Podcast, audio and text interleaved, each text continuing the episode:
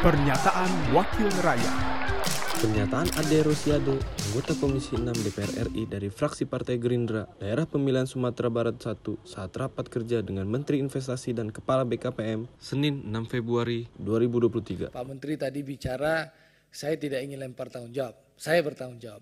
Nah itu yang saya garis bawahi. Nah di sini ada permasalahan di tengah masyarakat sekarang dua minggu yang lalu itu teman-teman yang membeli apartemen Mekarta konsumen itu datang ke kami di Komisi 6. Nah, kami ingin Pak Menteri sebagai menteri yang mengurus segala perizinan yang ada itu mencek kembali soal izin-izin Mekarta. Karena sampai sekarang eh, nasab uh, konsumen itu di awalnya dijanjikan akan terima di 2019.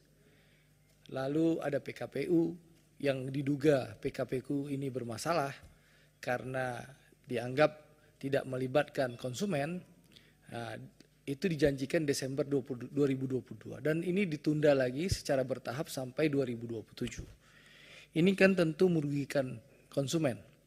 Bahkan supaya Pak Menteri ketahui, konsumen yang melakukan demonstrasi terhadap Mekarta malah sekarang dilaporkan balik oleh Mekarta dan dituntut 56 miliar.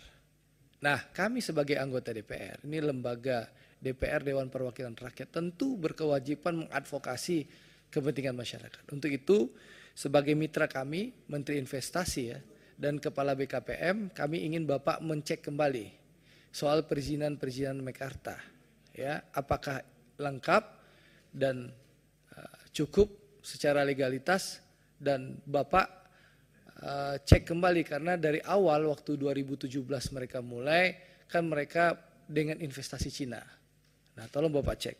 Pernyataan Andre Rosiade, anggota Komisi 6 DPR RI dari fraksi Partai Gerindra, Daerah Pemilihan Sumatera Barat 1, Produksi TV dan Radio Parlemen, Biro Pemberitaan Parlemen, Setjen DPR RI.